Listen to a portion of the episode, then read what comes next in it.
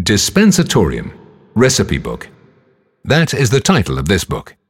Author Peter Coudenberg is a pharmacist from Antwerp. The book will make him world famous. Plantin publishes it for the first time in 1568. The Dispensatorium will remain a standard reference book until 1800, which is actually quite amazing. It is compulsory for doctors and pharmacists in Antwerp to use the Dispensatorium when they prepare or prescribe medicines. We've just told you that author Peter Coudenberg is a pharmacist from Antwerp. But author is a somewhat strange word in this instance, because Coudenberg didn't really write the book.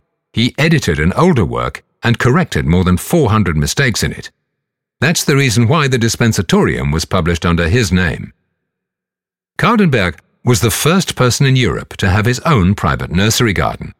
Because he knew so much about the medicinal powers of plants, he also imported quite a lot of plants. This is one of the recipes from his dispensatorium. How to stimulate breastfeeding.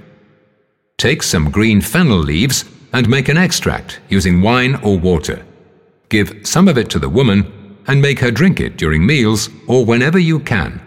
She will have loads of breast milk. Plantin's firm publishes some 50 books on medicine, almost as much as on geography. Imagine